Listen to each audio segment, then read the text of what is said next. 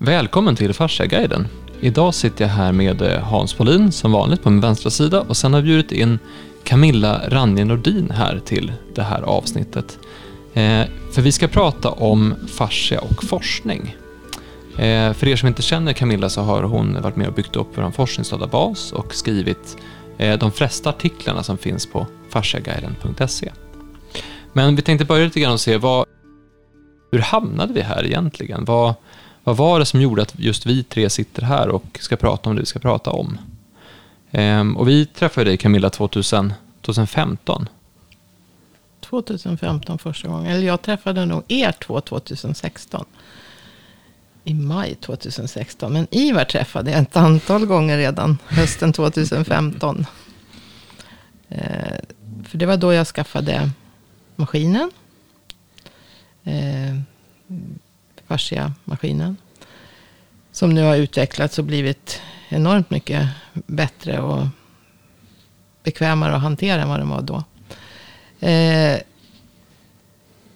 och som sagt, min bakgrund innan det då, det var, om jag ska berätta det. Kör på. Mm.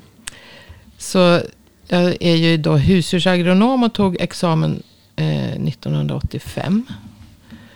Och där var ju fokus mer på alltså att man skulle hålla djuren friska. Och det, vi, man såg ju, fick ju lära sig väldigt mycket helheten. Djuren skulle vara de behövde näring för att må bra.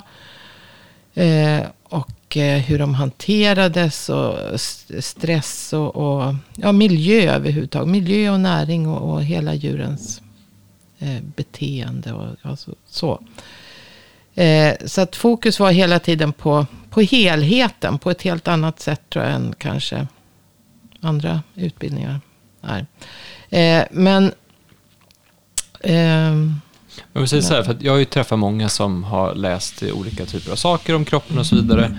Och det är många som kanske läser om typ hur en cell fungerar och så sen så, så bara, ja, men det där, måste jag, det där måste jag lära mig bara för att jag måste som kunna det. det är den Men- trå- tråkiga biten tycker många. Men det är få som jag har träffat som tycker att det är så fruktansvärt intressant med kroppen på sån mo- molekylär nivå som du gör. Va- Varför, är, varför tycker du att kroppen är så spännande? Men jag har ju alltid varit jätteintresserad av kroppen. Hur kroppen fungerar. Oavsett om det är djur eller människa. Eh, Och in i minsta detalj. Jag, jag var ju kvar några år som forskarstuderande på eh, institutionen för sjukdomsgenetik och immunologi. Och höll på med genetik med då. då. Men, och det har jag också alltid varit. Egentligen så säger jag, säger, åh det är det som jag är mest intresserad av. Men det säger jag om det mesta, att det är det som jag är mest intresserad av. Så nej, men jag vill veta hur saker fungerar. En, eh, fast jag inser ju fortfarande än idag, jag förstår ju ingenting av hur, hur det fungerar. Så att, eh, ehm, ja, det... Sen jag skaffade maskinen i alla fall 2015. Så har det hänt otroligt mycket. Sen var det väl så Axel, vi hade ju problemet vi hade var- var väl att från början så när vi började med häst så kunde vi slita med häst överhuvudtaget. Så vad fanns det för manual när du köpte maskinen? Fanns väl ingenting? Ingenting. Av och på finns textprogram. Jag, jag var ju hästfysioterapeut också. Så jag, jag masserade ju och jobbade med hästar för hand. Innan Precis. jag skaffade och då sa vi så här någon gång i, i jag tror det var 2017 att då tror jag vi frågade, finns det någon bra eh, Finns det någon bra hästutbildning på fascia? Då Mm. sa du att det fanns ju kanske ingen sån. Och då frågade jag dig om, vi, om du ville vara med och göra en sån utbildning. Om vi skulle göra en utbildning. Visst gjorde det? Mm. Ja. Det var januari 2017 som vi började med den diskussionen. För under januari till december 2017 så åkte vi tillsammans ett antal gånger fram och tillbaka till. Tyskland. Ja, och behandlade Rolf-Görans hästar. Ja. Så då tog vi fram en utbildning och då gjorde vi via en lektor på, det tror jag berättade i något annat poddavsnitt också, men han heter eh, Bo Sundblad. Sundblad. Och han, är, han, är, han har ett segment som är väldigt duktig på det, är betyg och bedömning. Och, du menar att, och då hade han gjort en utbildning för brandförsvaret tror jag. Och då ringde jag och honom om han kunde göra, hjälpa oss att göra en utbildning på häst. Det blir jätteroligt så han kan något om häst, inte ett smack. Vad bra, då är vi, då är vi två. så åkte vi runt med er. Så vi var och träffade en del veterinärer och vi var och träffade en del dig och några andra terapeuter som jobbade. För att vi ville se hur, hur jobbar man med häst? Och vad gör man? Vad måste man kunna? Och jag tror att vi kom fram till att hästmänniskor kan mycket mer om hästar än vad människor kan om människor. Mm. För man måste, man måste ju ta hand om djuret. Det är inte bara eh, gå ut och ställa den i gången. Man måste ju som göra någonting. Och det är ni ganska duktiga på. På ett annat sätt än vad tror jag. Så det är en yrkeskunskap om djuret på ett annat mm. sätt än vad Men det, ko det kostar ju enormt mycket pengar om ett djur blir sjukt. Det var ju som, men jag har ju bakgrunden i animalieproduktion då. Men hästar och, och kor och, och, och, djur överhuvudtaget. När de blir sjuka så kostar det enormt mycket pengar. Så att det, där, jag har en kompis, där, hans, jag kompis, så... hans pappa var veterinär, veterinär och han, han var stadsveterinär i, i Umeå. Han tror jag heter det. Heter det stadsveterinär? Vad heter det? Om man är chef i ett område. De hade ju länsveterinär. länsveterinär. De hade ju mm. K4 där, massa hästar och sådär också. Och han sa att, eh, han menar att veterinärer i, i Eh, egentligen har egentligen samma, alltså det är ju samma typ liknande utbildning som läkare har. Men det är mycket viktigare, viktigare att hålla djuren friska för att det är svårt att få betalt för ett sjukt djur. Eh, så han var lite kaxig så, på det sättet. Men om man eh. säger så här då, för då, då kom du, nu, nu är vi tillbaka till 2017. Och så sen så har vi mm, setts några gånger, haft lite träffar och pratat lite grann om fascia och varför det här är nytt och så sen så, så var Heike Jäger från, från Tyskland var och föreläste på en användarträff och presenterade massa ny forskning. Och, ja, men det, det är så mycket som är nytt nu så ni, det ska observera. Det var hösten 17. Det var. Ja, våren 17 till och med. Var det våren 17? Som hon var där. Ja, det var våren 17.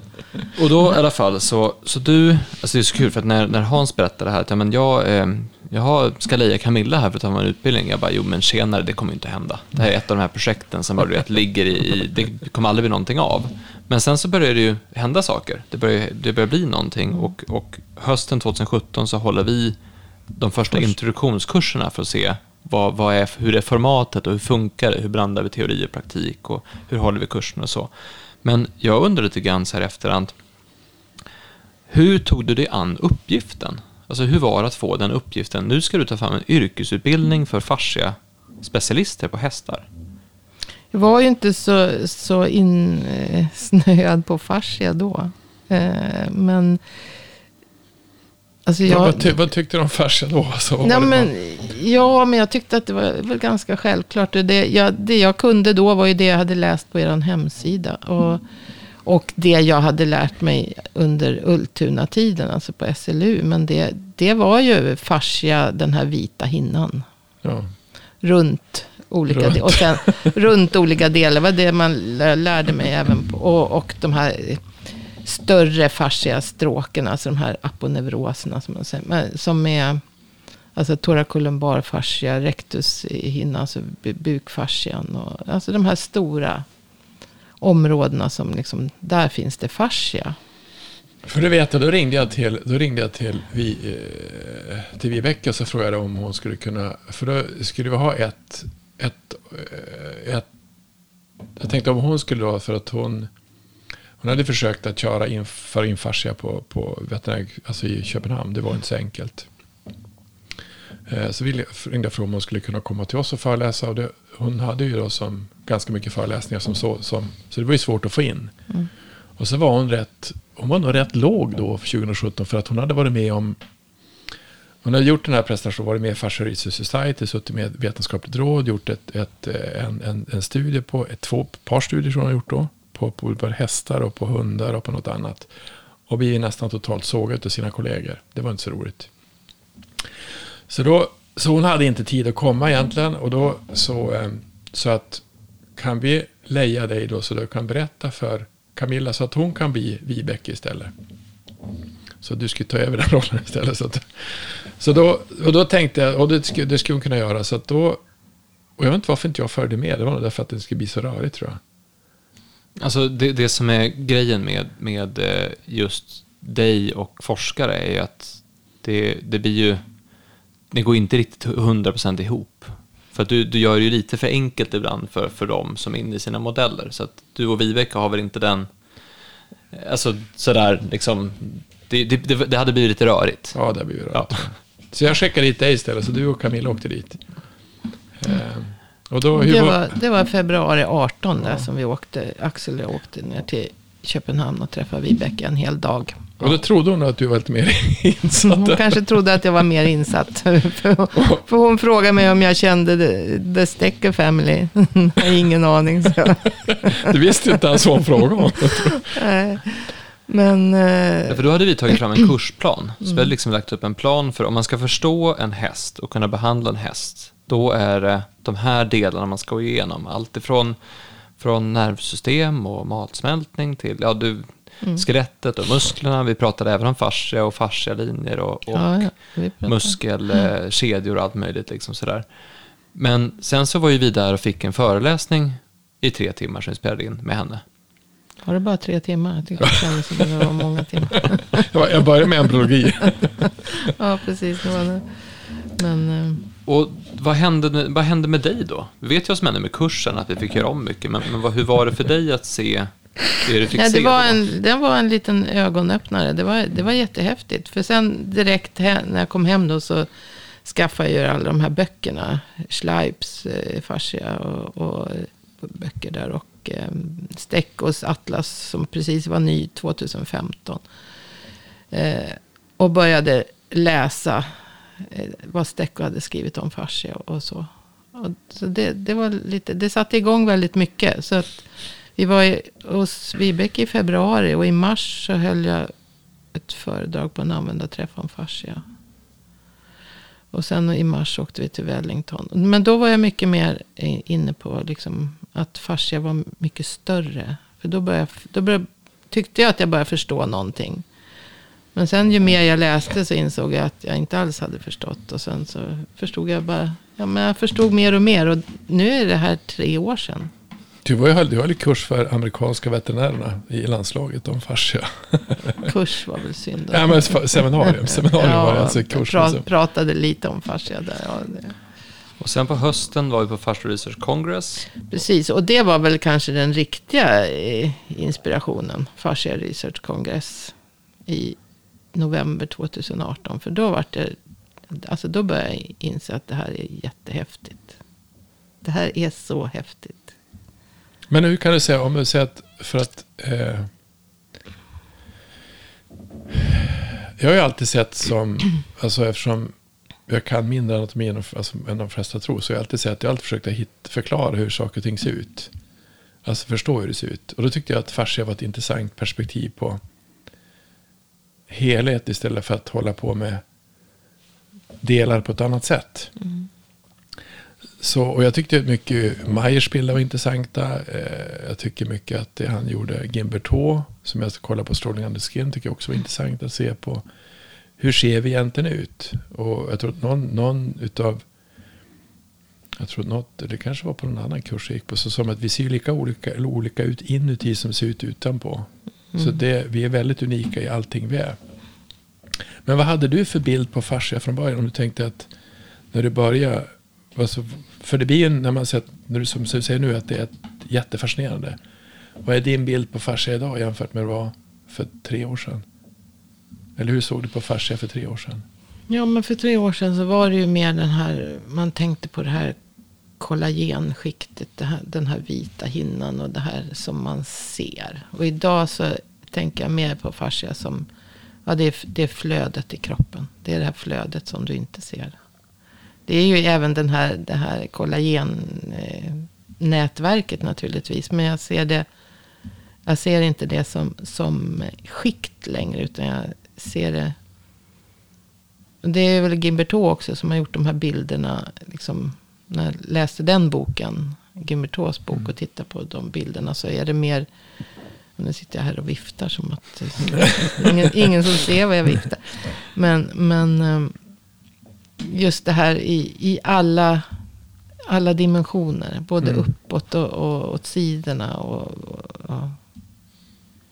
För det är där någonstans som, som vi... Och, och, och, och också liksom olika grovlek på de här eh, kollagenfibrerna och tråden. Beroende, och, liksom, var och att då- även en sena har liksom skikt av ett flöden och, och eh, trådar på, på tvärsen. Så att.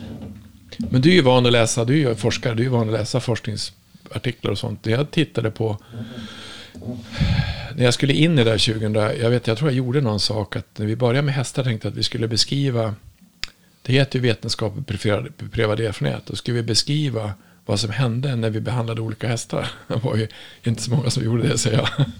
Men utifrån det perspektivet. Då. Eh, men jag försökte ju förstå mer av eh, vad har man skrivit om det, vad är det för någonting? För alla kommer ju från olika håll. Hur var det när du började läsa? För du läste ju kanske på ett annat sätt. Eller alltså jag har innan Camilla berättar så vill jag nästan gå tillbaka till, till det vi pratade om i avsnitt tre. Hur, för nu, nu någonstans, det var vi är tidsmässigt nu. Det är, vi är hösten 2018, vi har just varit på Fascia Research Congress. Vi inser att och det finns så fruktansvärt mycket att börja gräva i. Vi var ju på alla olika breakouts som jag berättade om tidigare och mm. antecknade allt som, som mm. sades i princip och hade massa diskussioner och insikter och insåg att det här kommer förändra allt. Och det var ju där någonstans vi bestämde oss för att konkretisera den här forskningsdatabasen som vi har idag. Mm. Men den första forskningsdatabasen bestod ju av kanske 20 stycken mappar på Hans dator. Ja. Som du började bygga ihop redan 2012-2013. Ja. För du, har ju, du kom ju in i att börja titta på fasciaforskning därför att vi hade ju beprövad erfarenhet. Vi fick ju massa resultat. Alltså vi visade ju, vi hade bilder på folk före och efter och visade att behandling mm. fungerade. Men det dög ju inte för vi måste ha forskning. Vi måste ha förklaring vad det som hände. Vad var det för någonting? Vad är det som har... Och då började du gräva i det. Och vad var det som var svårt med att börja gräva i fasciaforskningen då? Därför att, ja, det svåra var att det var ju som det, det, allting är ju special, specialister så att alla ämnen är det finns någonting som kanske om, handlar om, det var väldigt få som handlar om struktur, alltså det är välgjort balans och hållning. Det fanns ju nästan, det som jag tyckte var inte, det som jag tyckte var väldigt konstigt var att hur kan det komma sig att balans och hållning, hur det egentligen ser ut, att det har ingenting att göra med hur kroppen reagerar. Det var för mig en, en gåta. Det stod ju nästan i alla böcker. Alltså i, i, i böcker som man läste om anatomi och fysiologi så tittar man ju på hur kroppen såg ut. Alltså rent, eh, mm. rent eh, vad kallas vi kallar det för? Eh, balans och hållning. Eh, men det fanns ju nästan ingenting sånt i, i vetenskapliga artiklar. Väldigt få. Eh, sen så var det väl, jag satt och försökte hitta egentligen svar på Eh, Arfors menar att mycket var inflammation och då skulle vi hitta inflammation. Inflammation var då inte så lätt diagnostiserat utan det var det hade eh, han, eh, Torsten Gård hade gjort någonting på Depronyl. Att han kunde se vad inflammation var för någonting. Men inflammation, eh, det var, det var, det var ingen som använde värmekamera för att göra inflammationsstudier. Utan det var ju mer att göra någon typ av utav markör som kunde visa att det var inflammation. Men var var inflammation någonstans? Fanns det låggradig inflammation? Och hade inflammation med smärta att göra? Och det var ju det, var det jag satt och letade efter det som var intressant när vi kom in på hästar 2014, det var ju att det enda man tittar på på en häst och på en hund, det, är inte så, men för mig var det så. De tittar ju på hur hästen rör sig, så det är nästan alla hundar och hästar får skritta först, de får gå. Och tänk dig om du skulle ta en, en en 50, alltså som jag, en 60-årig gubbe som kom in på en, på en vårdmottagning. Och så sen kan vi skritta runt med dig här och få se hur du rör dig. Eller hur? Och så får du springa fram och tillbaka. Kan du göra det? Då ska man ju så se, och gör det ont någonstans, gör ont i foten, gör ont, då ska man ju se helt andra saker. Mm. Ja, så man därför, tittar på hur hästarna står, man tittar ja, på hur ja, benen är. Man tittar på allting och, och vad de gör för någonting. Och, och, när, de, när man behandlar dem, hur reagerar de då? Och, och de gör ju något. Så att det var ju mycket mer levande på ett annat sätt hur man såg på hästen ifrån det, alltså, än vad man såg på människorna. Eh, det svåra tror jag var egentligen varför jag la de här på olika ställen. Det var ju... Eh, jag gjorde ju först en som hette klassificering, vad är det för någonting? Och så hittade jag någon sån här rapport som jag tror du hade läst också som hette Kumke. Och den, var, den tyckte jag var skitbra. Så visade den för Heikki Jägersson. Det är ju bara trams. Det var en sån här tramsrapport som var skriven av några forskarstuderande som hade egentligen tittat på vad är fascia? Och det var ju histologi och det var nervsystem och det var allt möjligt som man tittade på det. Men det var utifrån ett Alltså ett nomenklatur, nomenklaturstruktur som hade gjort. Jag kommer, kommer knappt ihåg det, men jag bara känner igen Kumke. Och så började, och så började, då letade jag dem, så jag tog alla deras artiklar och kollade på dem. Då, så började, men jag tycker man mest varit... Eh, en del var ju så svåra för de har så mycket med, med hur celler reagerar eller vilka substans, signalsubstanser som fanns. Så det är ungefär som du ger sig in i ett område som man har ingen aning på. Det står något så havet så. Nej, alltså rapporterna är ju, de är ju väldigt detaljerade och fragmentariska så att säga. Så att det, det är svårt att få ihop någon. Varje forskare har ju sin, Sin, lilla, sin, sin, lilla speciella nisch. Ja, så att det blir ingen helhet där heller. Det är svårt att få ihop en helhet. Och det var ju som det som jag tycker man... Att fars, om fars är en helhet så blir det väldigt svårt att få in det i något, någon typ av specialistområde. Jag kollade mycket på Jill Hedley från början, han som dissekerade. Det var ju lik. Så jag minns jag satt en gång när man tog ut en superficial fascia som har gjort en, det är som en hinna så här så man kan, man kan dissekera bort den ytliga fascian som blir som en kroppstrumpa. Så satt jag med, med Torsten Gård och så en annan professor på smärtkliniken och så Karl Afors. Så visar jag, har ni sett den här fasciastrumpan? Och, "Eh, vad är det för något? Ja, det är det som, så här ser det ut om, jaha, det var ju bara var en bild som han hade, vad heter han, eh, Jill Hedley då, som han har tagit fram. Och det, och det var ju det, död fascia, det var ju, det är ju när kroppen har dött. Och så kollade jag ganska mycket på Myers, eh, mycket på, egentligen var det Tom Myers och Jill Hedley från början. Det var så Men- kom men- in på det. Eh, 2017 så gjorde vi en Vinnova-ansökan eh, om att göra en undersökningsstudie för att ta, fotografera vävnadsinflammation med värmekamera. Vi, upp, vi hade sett i eh, olika forskningssammanhang att, att, var ja, att inflammation är varmt. Och därför kan man se inflammation när man fotograferar det med värmekamera. Och inflammation är förstadiet till exempel till ryggverk. Eller ryggverk är inflammation i fascian, visade Mense 2014. Och då tänkte jag att ja, men det här ska vi göra så. Och i det projektet så var det en punkt som var att bygga eh, den, det teoretiska ramverket. Att ta fram forskningsunderlaget till det här. Och då, för vi visste att forskningen fanns. Men vi tänkte vi anlitar Heike Jäger som kan få gå igenom Just det här. Det. Så vi, hade, vi hade planlagt för hur många timmar det skulle ta, vad som skulle krävas, vad man skulle börja söka, hur man skulle börja göra det. För att, att bygga en forskningsdatabas, eh, det var ju inte någonting som du kände att du kunde ta för dig. Så. Men våren 2019, då hör ju du av dig till Camilla och säger så här, vill du jobba halvtid med oss och läsa forskning? Och vad sa du då? Ja, hemskt gärna. Och det är inte Jag ofta... hade ju börjat nörda ner mig i alla böcker redan. Så jag då tyckte jag att jag... Kan, kan jag dessutom få betalt för det? Fantastiskt. Får jag det? Fa- Fast det är ju som sagt det är, nästa, det är roligare att läsa böckerna än att läsa forskningsrapporter ibland. Fast vissa forskningsrapporter är jätteintressanta. Man har ju såna jag har liksom några favoritforskare. Vilka då? Ja, det är ju Stecco, både hela familjen Stecco, Anto, med framförallt Antonio och Carla. Eh, Vad har de för bakgrund? För du, du, du känner ju familjen Stecco nu. Det var till och med träffa. Nej, Nej. jag tör, törs inte. Ja, det känns som att jag känner dem. Och sen, sen var, sen min... Men det, jag har ju aldrig...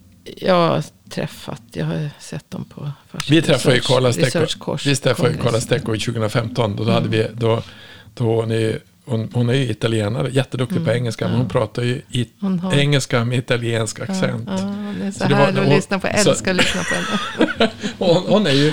Hon är ju Fascia sajt. ja, fascia, vad är hon för någon? Hon är alltså professor inom anatomi, va? Bå, både Antonio och, och Carla är professorer i... Någonting. Jag, jag törs inte säga exakt vad det är. Men. Men det är hon egentligen, så, sen 2015 så var det ju, då var det ju, 2015 var ju Fascia Research Society, det var ju det någon typ av blandning mellan yogalärare, eh, terapeuter, rolfare, osteopater och forskare. Och en del forskare, så det man forskade då på det var ju på eh, hur kan mina händer hjälpa någon annan person? Det var ju det terapeuterna ville göra. Och så fanns det ju då familjen Stecco och några andra som var med. Då. Det, var, det var mest Karlet, jag tror inte hans äh, på, den sonen var inte med då i Fascia Research Society. 2015. Jag tror inte han var med. Men Karla var med i Vetenskapliga rådet tillsammans med Vibeke, tillsammans med Findley. Eh, Findley och, eh, och Schleip och någon annan tror jag var. Så att hon, De Hon var väl den sina, första sån superforskaren som kom in som kunde helt andra saker. Mm, De har ju sina specialområden. Carla Stecco och Antonio också. De håller ju på mycket med hyaluronsyra. Och jag vart ju så himla inbiten intresserad av hyaluronsyra. Så kanske var därför jag vart så förälskad i Stecco. Men eh, ja, sen har vi Neil T som håller på mycket med interstitium. Fast han är leverkirurg. Just det. Något sånt. Och så har han som Nej. skickade, han som skickade in pappret till, till, till dig som du ville att vi skulle göra någonting idag. Heter han då? Armstrong. Uh, Armstrong och, och som jobbar ihop med Gimbert H. Mm. Också väldigt, Men väldigt fascinerande. om vi återgår till där vi var någonstans. För att du får alltså, nu säger vi så du, får- du får läsa forskning. Mm. Vad gör du då? Hur, hur går man tillväga? Ja, gud. Hur går man tillväga? jag vet inte vad jag började med. Om vi säger så här, Fast vi höll ju på, vi började ju, vi höll ju på med, med den här Frozen Shoulder studien. under studien. Och, så det var väl lite där det började. För då, hit, då började jag leta på Frozen Shoulder. Och så hittar man ju forskning. i- Alltså gick man igenom alla referenser. Och så börjar man hitta. Och då hittar man ju alla, ja, massor med referenser. Och så börjar man titta igenom dem. Och sen så vart man ju mer. Det vart ju mer liksom. Vad är fascia för någonting egentligen? Och då hittar man ju. Och ja. Fastnar man ju för stäck och, och Definition. Ja. Ja. Hur många forskningsrapporter skulle du säga att du har läst om fascia sedan 2015? Så nu, jag kan ju säga att jag läser dem inte från... Eh, en, vissa läser jag alltihopa. De allra flesta läser man introduktionen Skumma igenom lite grann. och... Eh, eh, ja, abstrakt naturligtvis. Men introduktionen och sen, och sen så tittar man. Conclusion. Kanske eh, resultat med, med summaryn. Men hur många skulle du säga ungefär? Är det tusen? Det är väl närmare tusen i databasen och sen tror jag att, det, jag tror att det är ännu fler som ligger som, som borde läggas in. Och det, det, det Så det är tusen stycken som är indexerade. Då är de alltså en beskrivning i kategoriserade, det finns en, en, en sammanfattning, vilka ämnen det berör, vilka som är författare, Mm. eh, abstract är nedskriven. Och så sen är det, kan det vara kanske tusen till som du har läst men inte lagt till. Mm. Hur många böcker har du läst om fascia? Och fascia-relaterade ämnen? Du, hur mycket pengar jag har lagt på, på böcker, böcker om fascia. Hur många seminarier har du lyssnat på Ja, det- senaste? Alltså, sen, sen nu, är det, nu spelar vi in det här, nu är det april. Hur många seminarier har du lyssnat på sen i 15 december? Hur många dagar? I, I somras gick det ju seminarier nästan varje vecka. Där ett tag. Så det, det, det var väl 14 stycken på, från eh, Fascia eh, Research Society. Plus att jag lät titta igenom lite gamla seminarier där. Men sen, bara, sen och, i sen, julas? och sen var det i julas var det ju en, en stor kongress på online då. Det, var, det är ju bra med det här med covid. Man kan sitta det hemma. blir jättebra. Men har, du- har, du lyssnat, har du lyssnat 15 dagar på, ja, på ja, seminarier ja, sen i ja, julas? ja, det, i, i julas så var det ju en jätte... Det, eller det var, det var ehm, Tom Myers Anatomy Train som hade den. Så att det var eh, utbildningen som var 17 någonting. Närmare Mm. 20 seminarier. Eh, med alla de här, alltså, man går ju igång när man ser liksom, Neil Tees, Stecco, Ja, Jag gjorde ju så när vi kom, när 2015 när vi åkte till Fascia också. Men, När vi kom dit och till Fascia Research Society, det var ju Tom Myers var ju där. Alla var ju där, precis samma, det är ju- så lite. Men då var vi på Lincoln Memorial och det var varmt så in i vansinnigt. Och så sen så ser jag Jill Hedley jag har sett tre timmar med honom. Så jag gick bara, hallå Jill! Och han bara, "Och vem fan är du? Så, och jag, jag kollar på dig på YouTube. Tyckte, så tyckte, ja, ja, ja, jag tyckte han var jättekänd. Han tyckte vi var väl lite märklig som kom fram sådär. Nej. Så flera tusen rapporter, jättemånga böcker, jättemånga seminarier. som ni som lyssnar säkert förstår så är det det här vi ska försöka få ut nu i den här podcastserien om fascia och forskning. Eh, det som ni kanske inte känner till om Camilla, Camilla du har alltså läst alla de här fascia eh, forskningsrapporterna och böckerna och du är lärare på en yrkesutbildning som handlar om fascia och så är du specialistlärare i fasciakunskap på de andra utbildningarna vi håller. Anser du att du är en fasciaexpert? Nej. Nej, det gör ni inte. Eh, så det kommer bli jätteroligt. Äh, äh, men jag, jag, jag, jag har tänkt lite på, nej, nej men alltså om du tittar världen över så finns det jättemånga fascia-experter. Alltså som kan jättemycket. Som, som har samma intresse som jag, det har jag insett det nu. Men kan, kanske inte att det finns någon så nördig i Sverige. Nej, jag tror inte det. Alltså, jag, det som jag tror, jag är presenterad som fascia-expert och jag är inte det för fem Men det som jag tror, det är perspektivet. Har man tittat, har man varit ute och Alltså jag tror att det är få som kommer in ifrån det perspektivet att man vill reda på allting på en gång. Utan man hamnar någonstans ifrån, antingen ska man förklara det som en terapeutiska metoder eller ska man förklara någonting som finns som har med någonting att göra. Eh, och det är min, min erfarenhet från det jag tittar på nu, att många kommer ifrån specialisthåll, så hamnar man in någonstans, precis som det finns många hjärnforskare som håller på med magen nu, mikrobiomen, för att mm. förstå hjärnan. Det är ju lite långt ifrån. Mm. Alltså man är här, man ska förstå det här och så är man gräv i mag eller på, på helt andra saker. Så att jag tror att det blir, alla helhetsperspektiv är ganska tvärvetenskapliga. Tror jag. Kanske. Och det, men det som jag, man inser nu när man liksom börjar ha, börjar förstå hur fascian, alltså hur, vad fascia är och vad, hur det fungerar. Att det inte bara är den här kollagenstrukturen så att säga. Utan att det är det här flödet. Alltså det, och att det finns runt varenda cell i hela kroppen. Så alltså du har till exempel ett endon, endomysium och ett endonevrium. Och ett, det är samma sak. Strukturerna i kroppen är uppbyggda ungefär lika. Det är liksom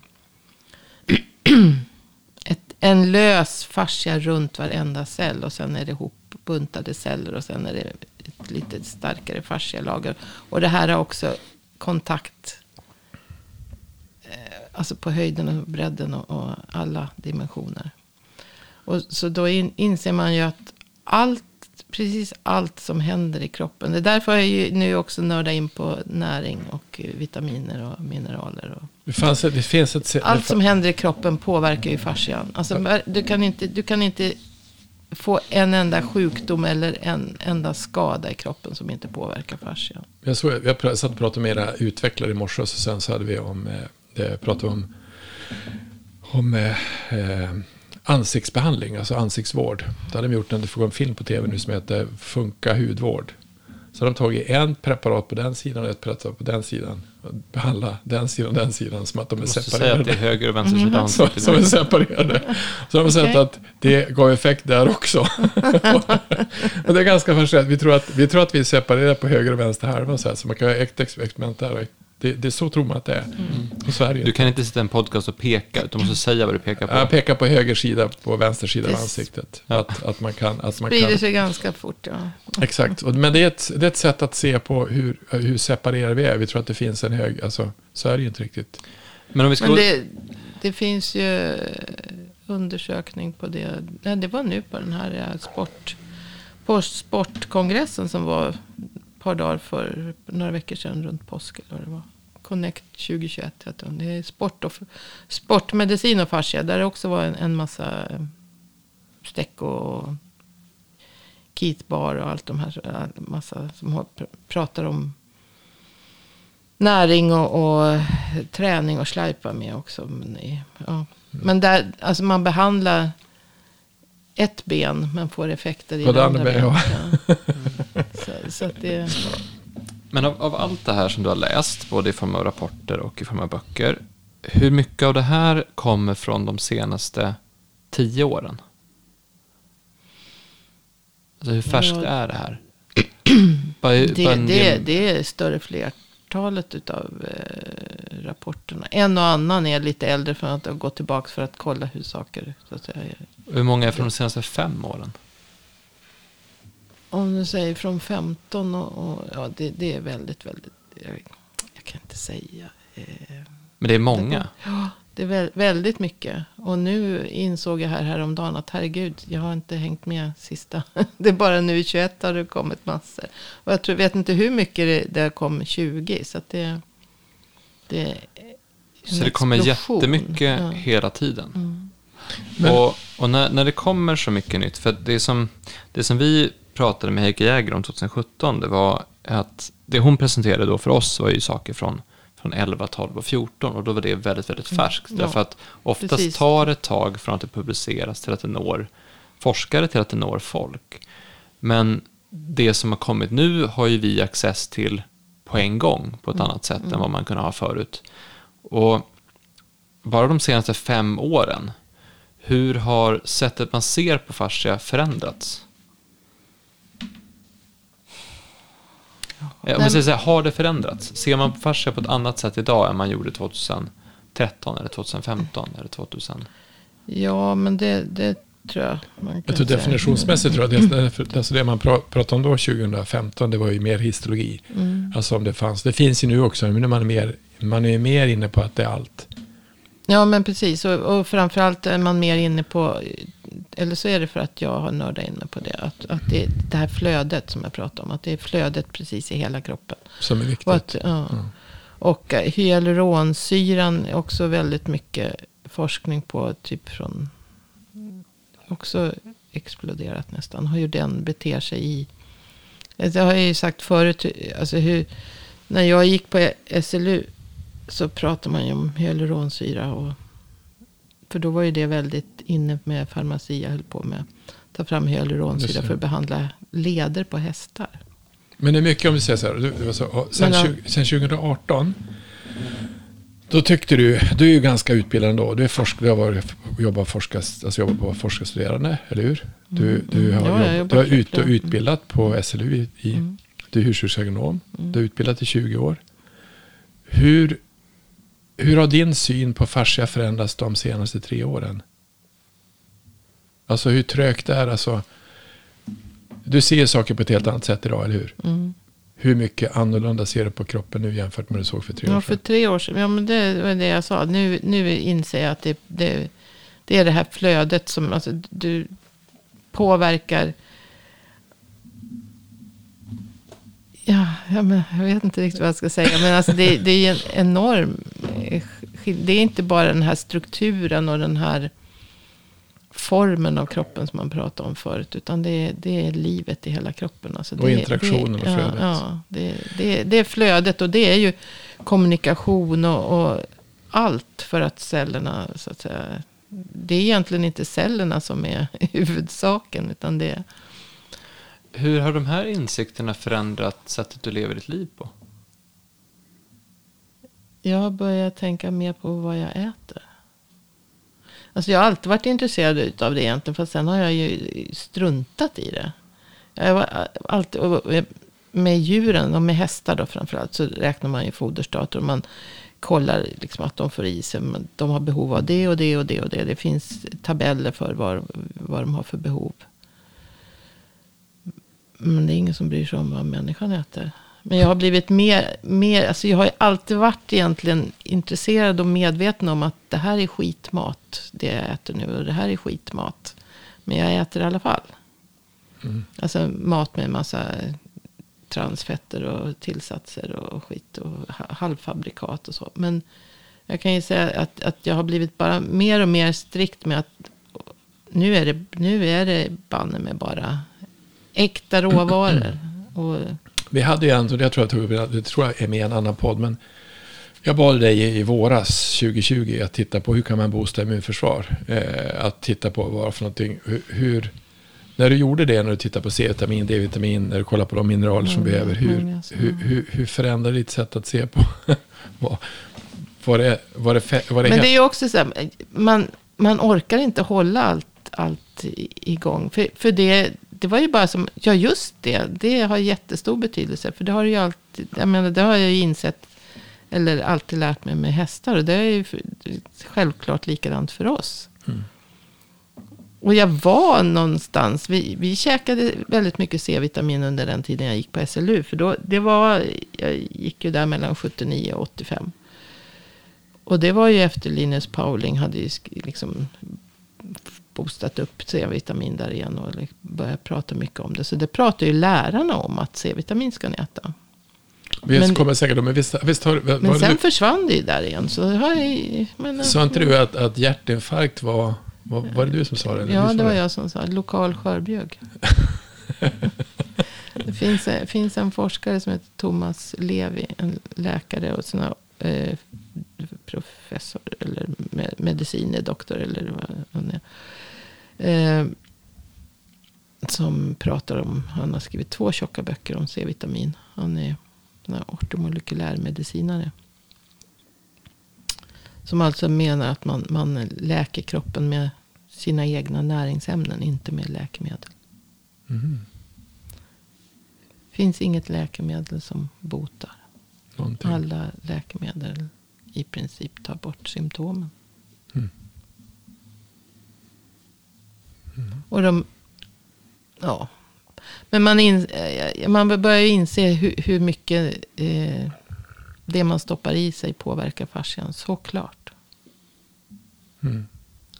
Så jag har ju jag har varit en gris, ja. Men jag har blivit, nu har jag bestämt mig att jag ska baska mig sluta med, eller jag har slutat med allt socker. Och det har jag varit, alltså, jag, jag tycker att jag har ätit hälsosamt förr. Men, men eh, nej, nu har jag blivit ännu mer mån om att göra det. Men Vibeke sa ju när vi träffade henne och gjorde den här intervjun, då sa hon ju att, för det första sa hon att fascia, det är, det är anatomi. Mm. Det är inget hokus pokus, utan det, det är faktiskt anatomi. Och det andra hon sa var att eh, man måste börja om från början för att förstå det här. Har du fått börja om från början? Vad, vad, vad, hur, har, hur har det här förändrat hela ditt sätt? Ser du på kroppen på ett helt annat sätt idag än du gjorde när du började titta på fascia? Jo, men det, det gör jag ju. Alltså, självklart. Just att, att man inser att allting i, i kroppen har, har kontakt. Alltså både, både i ett flöde och med, med all kommunikation.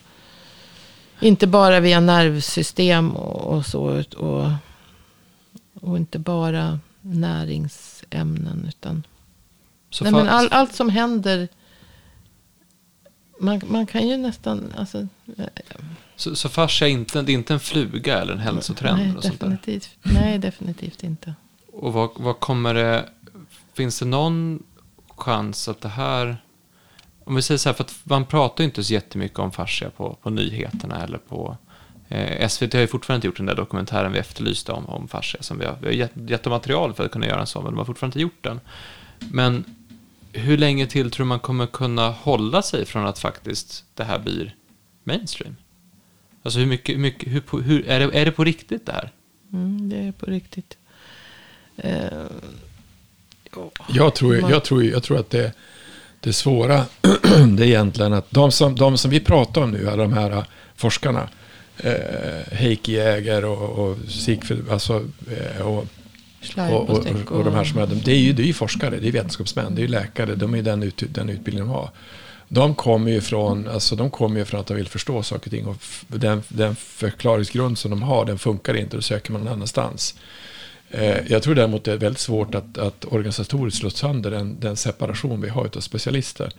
Ehm, och det är ju, jag tror att det är svåra egentligen, som, att om jag kommer in, när jag börjar läsa, alltså i ekonomi så är man ju, du har också läst ekonomi också, så får man ju läsa olika typer av specialistområden. Man kan läsa finansiering, man kan läsa marknadsföring, man kan läsa eh, redovisning i ekonomi när jag kom ut då och så sen så, eh, då blir det ju så att när man kommer ut så har man ju sina avdelningar. Det kan ju finnas de som är chef för produktion, någon som är chef för utveckling, någon som är chef för, för marknaden, någon som är chef för kunder, någon som är chef för kundsupport, någon som är chef för ledning, någon som är chef för information och analys, en massa olika saker.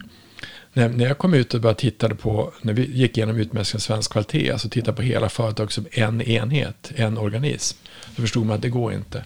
Det går inte att köra, det går inte att köra produkterna separat utan att förstå marknaden. Det går inte, då blir egentligen hela företaget en organism ifrån minsta beståndsdel till största beståndsdel. Och den principen är ju svår att titta på för någon som driver ett företag. Men när man ser, har man sett det en gång, då förstår man att det finns inga genvägar, man måste få allting på, iväg. Och där är ju ekonomi som styr det, men jag tror att i, i, i den specialistvård som finns idag, som vi skulle säga så att om en eh, hjärtinfarkt, det är lokal sjöbjugg. Jaha, ger vi dem C-vitamin före då? Eller ger vi dem C-vitamin under? Eller vad gör vi för något? Det, är ju, det blir ju jättekonstigt. Eller som han, han eh, alltså att hjärtats funktion beror på hur, om det går dåligt så beror den är väldigt beroende på vilken struktur hjärt, hjärtmuskeln har för att det ska gå rent, för att det ska slå bra. Som man tog fram Spiralformen. Spiralformen tog man fram 1990. Det, ju, det tar ju tid. Och de forskare som jag lyssnar på som var hjärtforskare, de, de hade tog jättelång tid för dem att, att, ta in nya saker fast det är en anatomisk sak som var ganska länge sedan. Så att jag tror att det kan ta ganska lång tid för att, för att slå igenom i vården. Jag tror att man kan få... Ja. För du måste, därför tror jag funktionsmedicin som kommer nu, det är stort i USA. Det kommer också, eh, det, kommer, det finns lite grann i Sverige. Men det är att, att det är någon som driver det. Antingen är det pengar som driver det eller någon som, är i, alltså någon, någon som gör det, att det blir nischat. Eh, eller så drivs det av någon, något annat. Men att få in det i vården tror jag kommer bli jättesvårt. Ja, tror jag. kanske tar... Uh, Men det som, jag tror är, det som jag tror är viktigt som vi kan göra med Fasciaguiden och det som vi gör, sitter och gör nu, det är att ju mer vi kan informera om alla möjliga om det, ju lättare är det att ta in det. Ju mer det, om jag berättar om om vi berättar om ett seminarium om utveckling, alltså hur man kan se på kvalitetsutveckling i ett bolag, hur man kan förändra ett bolag utifrån det perspektivet. Det gör ju mer folk intresserade att gå med i den typen av verksamhetsutveckling. Mm. Eh, och samma sak tror jag blir här, ju mer de här forskarna träffs och ju mer man får ut det här i media eller börjar läsa om det, Mm. Ju, ju, ju, ju, mer genomslagskraft kommer det, det få. Det har ju spridit sig, det har ju, märker man ju på de sista åren. Att det, visst är det mer. Fast det är fortfarande, jag tror inte att ändå att eh, medicinare kanske som inte är inne på det förstår hur stort det är. Alltså hur. Och, alltså hur om jag säger så här Camilla. Hur det betydelsefullt det är i, i kroppen. Att mm. fars, alltså hela fascian.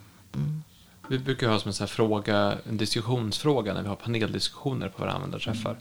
Då brukar vi säga till exempel, finns det någon sjukdom som egentligen inte har med fascia att göra? Nej, det var det jag sa. Mm. finns ingen. Om det inte finns någon sjukdom eftersom, som inte. Eftersom det finns lös fascia runt varenda cell i kroppen. Och eftersom fascian också definieras som, nu, alltså som det här. Det är ett löst skikt av tunna kollagen, bortsett från de här eh, kraftigare kollagenstråken så att säga, som eh, håller strukturen i kroppen, så är det tunna kollagentrådar som, som går in i varenda cell och håller fast i varenda cell. Och mellan där så är det hyaluronsyra och alla de här glukosaminoglykanerna, den här flytande grundsubstansen som jag pratar så mycket om. Och, och, och som alltså går en, genom cellmembranet och in i cellen också. Så jag har ju hyaluronsyra inne i cellen med. Och så det här flödet in och ut ur, ur celler och från huvudet ner till tårna. Alltså det, det... Vilken bäst, alltså det, det finns något som heter elevator pitch, alltså 30 sekunder berätta vad fars är för någonting. brukar, brukar du köra den när du träffar folk? Så man bara sitter och läser om. Har du kört någon sån? Ja, jag vad tycker det är svårt därför att det är så stort. Så att det, jag tycker det, det, blir så futtigt att säga att det är allting och att det är det här tredimensionellt nätverk som går. Eh, det, det känns som att man inte får fram det på det viset. Men jag vet inte. Jag, tycker den här definitionen som, för jag håller i de här fascia workshop evenemangen då, då håller jag fascia-delen. Och då, då tar jag det senaste från Camilla och så uppdaterar den. Så den uppdateras lite då och då med nya grejer. Mm. Och den som jag tycker faktiskt är roligast att se hur huvudena snurrar igång på folk, det är att säga den här eh, att en ny definition av fascia, det är att allting i kroppen består bara av två saker. Mm. Celler och extracellulära matris. Alltså strukturen utanför celler. Det finns celler och så finns det strukturen utanför cellerna. Det är det som är kroppen. Det är bara som en tom ballong. Mm. Alltså, Det är bara ett enda stort, ett enda stort hav och i det havet flyter runt en massa celler. Eh, och då blir det så här, men vadå, organ? Nej, men organ är också celler och så finns strukturen utanför Och, cellerna. och fascian är alltså lymf, hela lymfsystemet, hela blodkärlsystemet, bloden, eh, det är också fascia. lymfan, det är också fascia enligt vissa av forskarna här. Alltså det, det, och den här grundsubstansen, vävnadsvätskan, flödet mellan cellerna, det är ju prelymfa om man säger så. Så det är det som ska in i, i lymfkärlen sen. Och, och sen har vi det här med, med hur vattnet fungerar. Och va- Vattnets fjärde fas. Fjärde fas. Det kan vi ta ett annat så avsnitt. det tar vi ett annat avsnitt. Men jag, jag, brukar Men köra, som- jag, jag brukar köra en sån här, jag träffar ju mer såna här, alltså jag träffar ju inte så många kunder som jag har, patienter som jag har, då träffar mig. Och de, ser, de kan ju inte så mycket om sin kropp oftast. Och då, och eller så träffar man på golfbanan och så börjar jag jobba med fascia och ser de ut, vad sa du för någonting? Så. Och så att, ja, det är vår rymdkostym som är på oss för att klara gravitation i minsta. Du vet om att det är så, visst det är ganska rörigt på planeten och det snurrar mycket och all, gravitation är allting. Och det ser de också, rymdkostym. Och så, just det, jag är på ett fartyg, jag är på en farkost. Men, men det, är- det gäller att hitta saker som är lätt att för folk att förstå att det är en helhet och att det är någonting som påverkar allt. Mm. Eh, Och det här med vattnets fjärde fas. Jag tycker att det är så logiskt också egentligen. Just att, att vattnet i kroppen då. Det är ju vatten i blod och, och grundsubstans och alltihop. Men att det kan, kan röra sig fritt. Ut, utan, Utan. Alltså det har en egen rörelse. Det är inte bara, det är inte, hjärtat kan inte klara av att, pumpa allt det här. Och, och, Nej, det är vattnet som gör. utan vattnet och, och dess laddning då så att säga. Att det inte är ett neutralt vatten utan att det Laddat vatten med egen energi. precis. Så det vi tänkte göra framöver här, det är att ta och beta av något ämne i taget. Tänkte prata lite grann om, om fascia och ryggvärk, om fascia och olika typer av problem, om fascia och rörelse, om fascia och sjukdomar, om fascia och, och um, ryttare och hästar och olika idrotter. Så vi försöker ha olika specialavsnitt om olika ämnen. Eh, för vi får ju en hel del frågor om, om olika tillstånd eller vad man kan behandla och inte behandla och sådär. Så vi tänkte vi går in på det och då kan det bli ganska det kan bli ganska nördigt och det är helt okej. Nördigt och flummigt. Ja, för det, jag tänkte att det, det är så få som... Det är så få som... vi har ju lagt upp en forskningsdatabas. Så det finns ju en forskningsdatabas. Och jag har ju statistik på många som tittar på den. Okej, jag söker på den då. Det, det som är intressant med en forskningsdatabas är att det är någonting som många säger att de vill ha. Och det är många som, som men det är väldigt få som går in och tittar på den. Forskning är alltid så här, har du forskning? Ja. Har du forskning? Nej, nej, nej, nej, det är inget bra. Har du forskning? Ja, det är ingen som tittar på den. Så det, och där, där kan man ju stanna. Så vi tänkte egentligen inte stanna där, utan istället säga, okej, vad finns där då? Och vad betyder det? Så att gå igenom lite forskningsrapporter och säga, vad är, det, vad är det som står här? Vad är det man säger egentligen? Och då, vi kommer inte att gå igenom tusen stycken, men vi tänkte vi tar upp några stycken och pratar om det och så har man frågor kan man skicka in dem till, eh, till axel.fasciaguiden.se och så kan vi som ta upp sådana saker med tiden också. Så att vi, vi tänkte vi bygger upp ett program lite mer ofta och så spelar vi in olika svar på, på frågor med, med Camilla och Hans. Så Hans kommer från den här behandlingshållet och den här eh, olika typer av case och så Camilla kommer från, från att ha läst mycket forskningsrapporter. Så jag tror tillsammans kan vi nog hitta, och så kan vi bjuda in Ivar ibland också för med och, förklara lite saker också. eller Åke. Eller Åke. Eller någon annan som kanske är på- Åke vet nog inte lyssnarna vem det är, men det är han som är lärare på, på utbildningen för... Vi eh, kan nog bjuda in, vi kan nog ska vi köpa engelska kan vi bjuda in någon, någon engelsk forskare också om vi vill. Men vi börjar så här i alla fall. Det kommer komma fler avsnitt med Per. Det kommer komma fler avsnitt med, eh, med eh, andra gäster också. Men vi tänkte att det här blir ett format som vi testkör nu lite grann. Och så sen så hoppas vi att det blir bra. Mm.